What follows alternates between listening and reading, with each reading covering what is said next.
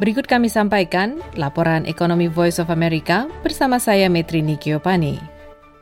Departemen Tenaga Kerja Amerika Serikat pada hari Kamis melaporkan 963 ribu pekerja lagi minta tunjangan pengangguran minggu lalu. Total angka pengangguran mingguan itu turun di bawah 1 juta klaim untuk pertama kalinya sejak Maret 2020. Selama 20 minggu berturut-turut, lebih dari satu juta pekerja yang menganggur minta tunjangan dari pemerintah akibat virus yang tanpa henti menyerang komunitas dan masyarakat di seluruh Amerika, memaksa para pengusaha menutup sejumlah bisnis atau membatasi operasi dan memberhentikan para karyawan. Total klaim minggu lalu tersebut meskipun masih tinggi berkurang 228 ribu dari minggu sebelumnya. Walaupun jumlah klaim pengangguran minggu lalu turun, pemulihan ekonomi Amerika Serikat melambat. Pemerintah pekan lalu melaporkan 1,8 juta pekerjaan baru ditambahkan bulan Juli 2020, turun tajam dari 4,8 juta pekerjaan baru yang dilaporkan pada bulan Juni. Hingga akhir Juli, Amerika Serikat memberikan bantuan stimulus 600 dolar per minggu bagi para pekerja yang menganggur selain tunjangan pengangguran dari negara bagian yang kurang memadai.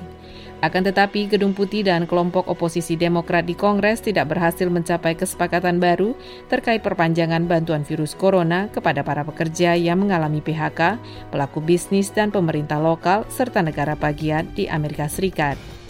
Akhir pekan lalu, Presiden Donald Trump menandatangani perintah eksekutif yang berencana memberikan stimulus tambahan 400 dolar seminggu kepada warga yang menganggur jika benar-benar negara bagian menyumbangkan 100 dolar dari jumlah tersebut.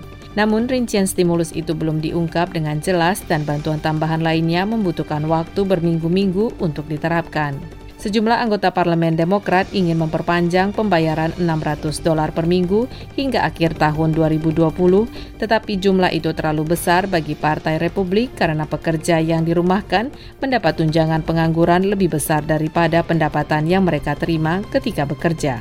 Departemen Perdagangan menyatakan ekonomi Amerika anjlok 9,5 persen antara April dan Juni 2020, rekor penurunan terbesar per kuartal dalam tujuh dekade.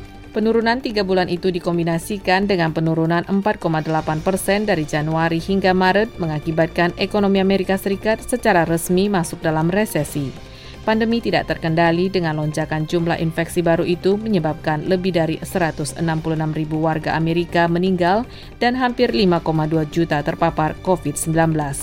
Diperkirakan lebih dari 30 juta pekerja Amerika Serikat tetap menganggur meskipun tidak semua minta tunjangan pengangguran. Metrini Giopani, Voice of America, Washington DC.